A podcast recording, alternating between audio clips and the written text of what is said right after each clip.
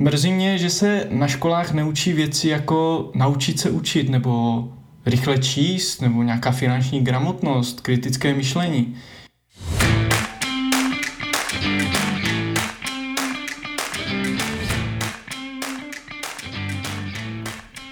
Ahoj a vítej v podcastu Fundecast o podnikání, cestování a investicích. Jmenuji se František Sabo a budu tě zásobovat praktickými zkušenostmi a typy ze svého života.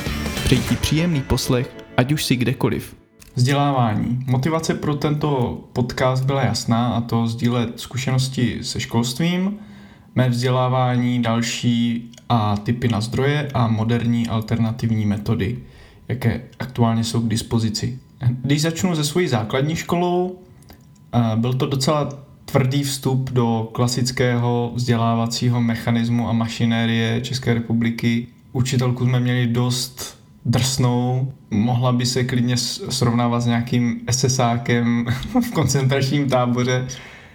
Někteří spolužáci doteďka z toho mají traumata, protože ona nechtěla povolovat ani, aby jsme chodili na záchod eh, v průběhu hodiny, takže několik kamarádů se dokonce pomočilo v hodině a bylo to docela drsné pro, i pro ostatní žáky, kteří se nepomočili. Já jsem naštěstí měl papír od doktorky, který jsem si nechal chytře vypsat, že můžu chodit i v průběhu hodiny na záchod, ale bylo to, bylo to hodně hustý. Byla to klasická frontální výuka, kdy na jedné straně autoritativní učitel, vy pokud nejste vyvolán nebo dotázán, nemůžete mluvit, nemůžete prostě jednoduše zasahovat, ptát se v té výuce. Jak říkám, základní škola, opisování z tabule, nezdřídka, kdy se stávalo, kdy fakt přišel kantor, celou tu těch 45, hodin, 45 minut psal na tabuli, my jsme si to přepisovali, bylo, na mě to úplně ruka, šílenost a to bylo vlastně všechno. Jako žádný výklad, žádné vysvětlování, nic, jenom prostě přepisování do sešitu, naučte se to doma, naučte se to na písemku, budete z toho zkoušení. Docela rychle jsem díky tomu získal docela odpor k nějakému dalšímu vzdělávání, vždycky bylo to jenom to nutné zlo, co se musím naučit na test a e, jedním uchem dovnitř, druhým ven. Doteďka si pamatuju, jak můj mladší bratr se úplně těšil po té, e, e, po té školce, kde, kde je vlastně takové volnější ta výchova, e, ty, ty učitelky jsou tam takové prostě pohodovější, hodnější na děcka. On se těšil do té první třídy, jak prostě bude konečně chodit do školky, do školy a po prvním dnu se z něho úplně ta radost prostě z toho vzdělávání, z té školy vytratila, úplně jak kdybyste prostě, jak kdyby ho vyměnil někdo v té škole, to byl úplně neuvěřitelný pohled, jak dokáže prostě za den základní škola sprotivit prostě eh, člověku nebo malému dítěti vzdělávání. A tady bych možná dal jako inspiraci, protože existují alternativy a existuje možnost, jak z toho ven. Jsou krásné vzdělávací instituce, které jsou bohužel v Česku zakázané a to je Sudbury Valley nebo Summerhill, můžete si o tom zjistit více. Doporučuji taky navštívit stránku Svoboda učení.cz, kde je více rozepsaný více rozepsané informace o těchto svobodných školách. A e, jedná se vlastně o to, že každý, každý nám neustále vštěpuje, že jsme unikátní a že prostě každý potřebuje něco jiného, ale když přijdete na základní školu, tak v prvním roce se musí naučit tohle, v druhém roce tohle, ve třetím tohle a všichni prostě stejně. Přitom mm, každý má nějakou svou cestu, svou rychlost, někomu to, tohle nejde, někomu tohle jde víc. Je to, je to hodně složité pro ty děti a právě tady tyhle školy jsou uh, založené jak na tom, že si vybíráte vlastně svoji autoritu toho kantora, které, kterému důvěřujete a od kterého se chcete učit, tak i to, kdy se co chcete učit. Jestli se naučíte uh, v Summerhillu uh, číst prostě v sedmi letech nebo v deseti letech je na vás. Každý má prostě tu rychlost toho učení různou a dokonce i samotná návštěva těch škol vlastně není povinná, prostě nemusí, nevím jestli u Sudbury nebo Summerhillu, nemusí tam to dítě vlastně chodit každý den, nebo může si klidně, když tam přijde celý den hrát, nemusí navštěvovat nějaké jasně dané hodiny. je to velmi zajímavý koncept a doporučuji pro, pro lidi, kteří, eh, které to zajímá, aby se na to mrkli. Přechod na střední školu do gymnázia byl lepší. Docela mě některé hodiny i bavily. Byla to samozřejmě radikálně vyšší úroveň toho vzdělávání těch kantorů, žádné, žádné tyrany už jsem tam nepotkal, ale pořád tam byly i autority, které, které byste si dobrovolně nevybrali, kterým jste úplně nedůvěřovali, jakože že to dělají nejlep, nejlépe, jak mohou a e, něk, u některých e, prostě ta, ta, ten čas se zastavil někdy v pravěku a moc nevyvíjeli ty svoje kantorské techniky ani ty podklady. Bohužel ve státním školství je malá nějaká motivace vybočovat, všichni prostě tam mají ty tabulkové platy, prostě lepší kantor nedostane obvykle lépe zaplaceno než ten nejhorší, co se tam prostě jenom veze. A opět často tam byla ta frontální výuka, někteří dokonce, což mě fascinovalo, přišli, psali celou, celou hodinu na tabuli a my jsme si to opisovali, takže i tady jsme se tomu bohužel nevyhli. Uh, takovou, takový zajímavý, stří, zajímavý střípek ze státní maturity, já jsem teda neměl státní maturity, ale teď jsem se bavil s jedním kolegou, který se mnou spolupracuje, který se chystá na státní maturity a tam mě dost zaujalo to, že um, při zkoušce z programování nemůžou využívat internet. Já jsem se nad tím tak zamyslel, jestli vlastně dnešní programátor vůbec může existovat jako vývoj, dělat vývoj třeba v PHP bez internetu. Jako jaký, jaký to má vlastně význam? Tak jako učit někoho, aby se naspaměť naučil nějaký, nějaké skripty, Uh, no je to, je to velmi, ně, některé ty věci jsou dost nelogické a nechápu je do dneška. Vysoké školství už bylo na nejvyšší úrovni, mohl jsem si tam vybírat spoustu předmětů, které mě bavily, měl jsem tam více možností volby, ale ten základ byl opět jako stejný, postavený na několika málo velmi složitých předmětech matematických. Chodil jsem na ČVUT v Praze, obor webové inženýrství, tehdy to ještě bylo na fakultě elektrotechniky. Eh, bakalářský mm, obor byl dost zábavný, eh, některé ty ty předměty jako kreslení, kde jsme, kde jsme kreslili nahé modely nebo 3D modelování, tvorba webu. Hodně mě to bavilo a rád na to vzpomínám. Bohužel někteří učitelé měli ten svůj macho style, takový ten úředníci, kteří prostě můžou cokoliv a vy jste poddaný a, a nemůžete s tím moc dělat. Někteří, hlavně ty doktoranti, se dost jako vyřádili na, na, na nás a dost prosítili počet těch eh, studentů v našem ročníku. Ještě více to pak bylo vidno hlavně na inženýrském studiu, kde bylo bohužel té praxe tak strašně málo, té teorie a vyflování tak strašně moc, že to mi dost protivilo pak další studium na, myslím, rok nebo dva po dokončení inženýrského titulu.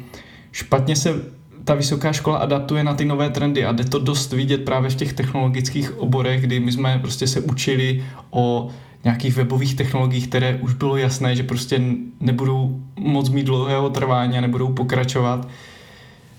Ta budoucnost byla jasná v jiných technologiích, ale protože to byl oblíbený nástroj učitele, tak, tak se to prostě učilo, učili se to všichni a museli z toho dělat úplně stupidní zkoušky. Každopádně ČVUT už co se týče úrovně bylo samozřejmě na naprosto nejvyšší úrovni, a, ale jak říkám, bakalář mi přišel mnohem víc praktický a zábavnější. Jaké jsou možnosti pro mé děti? No, v dnešní době vlastně neexistuje svobodné, neexistuje možnost uh, založit si svobodnou školu typ, typu uh, Cadbury nebo Summerhill. Takže Tady, tady cesta ne, nevede. Uh, existují některé alternativní školy, jako je Montessori, lesní. Bohužel, ty musí dodržovat nějaký státní vzdělávací program, takže jsou v nějakém formě stejně vázané na to státní školství, ale a těch škol není moc. Například u nás v hranicích žádná Montessori, ani, ani lesní škola, ani školka nejsou, bohužel. co bych teda doporučoval, nebo co by byla nějaká, nějaké východisko, by bylo určitě povolit jakékoliv vzdělávání, což je takový první krok. Eh, v případě, že by to byly pak konkurence toho, toho státního vzdělávání, tak by bylo dobré, aby se nějakým způsobem řešilo to, že, že vlastně platíte za tu školu dvakrát, takže pokud přihlásíte to dítě do uh, soukromé školy, tak byste měli mít možnost si vlastně ty náklady snížit z daní, že už, už byste platili dvakrát za, za vzdělávání. A uh, co je taková, tak těch svobodných škol, takový základ je, aby vlastně byla zrušena povinná školní docházka, což chápu, že pro některé může se zdát jako šílená věc, jako vykřičník, ale když si o tom zjistíte trošku více informací uh, a uh, nastudujete si vlastně, jaké by to mohlo mít konsekvence, odkážu vás na urza.cz, kanál Svobodného přístavu, na YouTube, má tam několik přednášek o tom, tak možná vás to zaujme. Mrzí mě, že se na školách neučí věci jako naučit se učit nebo rychle číst nebo nějaká finanční gramotnost, kritické myšlení. Hodně se jede strojově, hodně se jede frontálně, hodně se jede prostě autoritativní režim, přepisování do sešitu, které aktuálně už nedává vůbec žádný smysl. Některé předměty vlastně v posledních 10-20 letech totálně jak kdyby pozbyly smysl, jako učit se na spaměť letopočty, když během sekundy můžete eh, vlastně cokoliv vygooglovat na mobilu je dost zbytečné. Takže nad tímhle bych se možná zamyslel a některé ty předměty uh, aspoň nepovinně nebo formou nějakého třeba kurzu navíc bych uh, rozhodně do školy uh, doporučil zařadit. Jak se vzdělávám já? Jak už jsem uvedl, tak po té výšce jsem měl takové období, jako kdy jsem měl naprostou nechuť cokoliv se dál vzdělávat, jakkoliv se učit cokoliv navíc, protože eh, ten drill na, to, na ty státnice byl opravdu drsný a bylo to, bylo to složitý.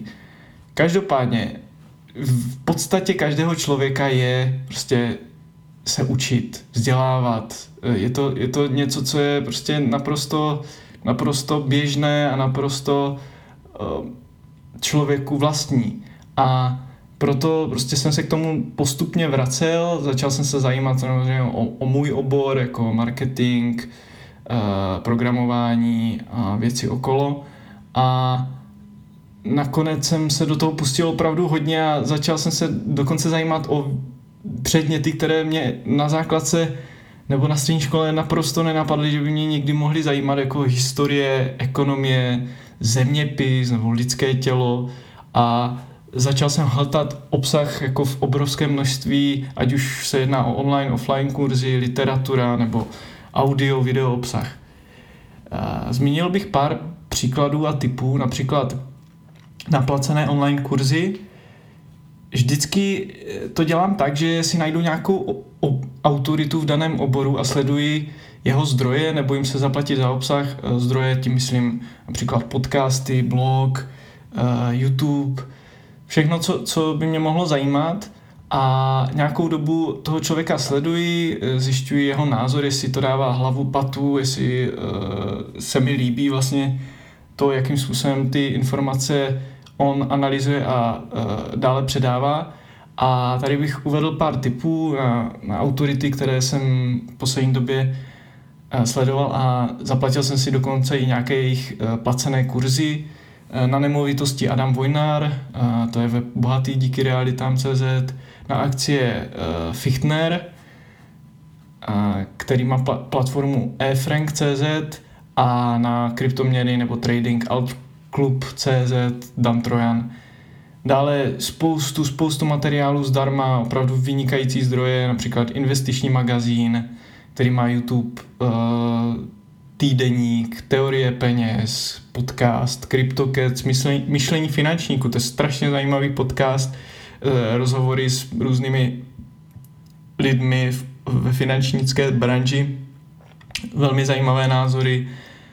A, a co se týče krypto, měl třeba velmi v poslední uh, době dobře a kvalitně zpracovaný obsah na bitcoinový kanál YouTube. Co se týče offline kurzů, vůbec se nebojím mm, mimo ty hard skills rozvíjet i soft, skill, soft skills, každá věc mi něco dává, udržuje mě v nějaké mentální kondici, rád si rozšířuju obzory, například zasednout do lavic, když jsem si dodělával mm, řidičák na motorku nebo na přívěs uh, minulý rok, tak to bylo hodně, hodně velká nostalgie. To samé v roce 2017, když jsem navštěvoval kurz iCollege, který je bohužel už dneska neexistující, uh, tak to bylo taky dost zajímavé potkat se s lidma naprosto z různých okruhů, z branží a dozvědět se vlastně, co, co ti lidi řeší. Tehdy jsem se vlastně začal i zabývat nějak podrobněji kryptoměnama. A taky jsem si například udělal zbrojní průkaz, udělal jsem si eh, instruktora na spinning, to už bylo někdy, myslím, na, na střední škole. Eh, chodil jsem na kurzy kytary, španělštiny, udělal jsem si eh, kurz na eh, instruktora snowboardingu, a spoustu, spoustu dalších věcí, které prostě by mě ani nenapadly, že bych někdy jako chtěl nebo uh, měl si udělat. Co se týče placených konzultací, tam se nebojím opravdu si zaplatit za nějaký názor, za nějakou konzultaci s někým, s nějakým odborníkem, například s Matušem Kuchálíkem z teorie peněz, jsem, se, jsem si dal Skype, Adamem Vojnarem, eh, Tomáš Zdražil, člověk, který stojí za platformou Investory, Cashflow Summit, Cashflow Summer, tak uh, ten mě napojil na velmi zajímavé lidi, například Rostu Navrátila na akcie nebo Pavla Opluštila na podnikatelský mentoring. Co se týče literatury, uh, po, po takovém tom období toho těch pov, povinné četby na základce, na střední škole, kdy uh, jako když jsem viděl knížku, tak to pro mě bylo prosté slovo, opravdu nerad jsem četl tak jsem se vrátil i k té tištěné literatuře. Uh, naku, začal jsem si nakupovat knížky na Melville nebo Audiotéce. Hodně mě zajímá zdraví, takže knížky jako Půsty, Zdravá střeba, Labyrint pohybu. Uh, bude o tom samostatný podcast, takže na to se můžete těšit příští měsíc, kde budu velmi dopodrobna pro, procházet tady tyhle, tuhle tematiku včetně nějakých mých dat, analýzy mikrobiomu, kterou jsem si nechal dělat, nějakých dalších testů. Z psychologie eh, mě zaujaly knížky jako Radost z ticha nebo Sedm principů spokojeného manželství, digitální pusty. Eh, snažím se vždycky něco zakomponovat rovnou do, do života z těch věcí, které si přečtu.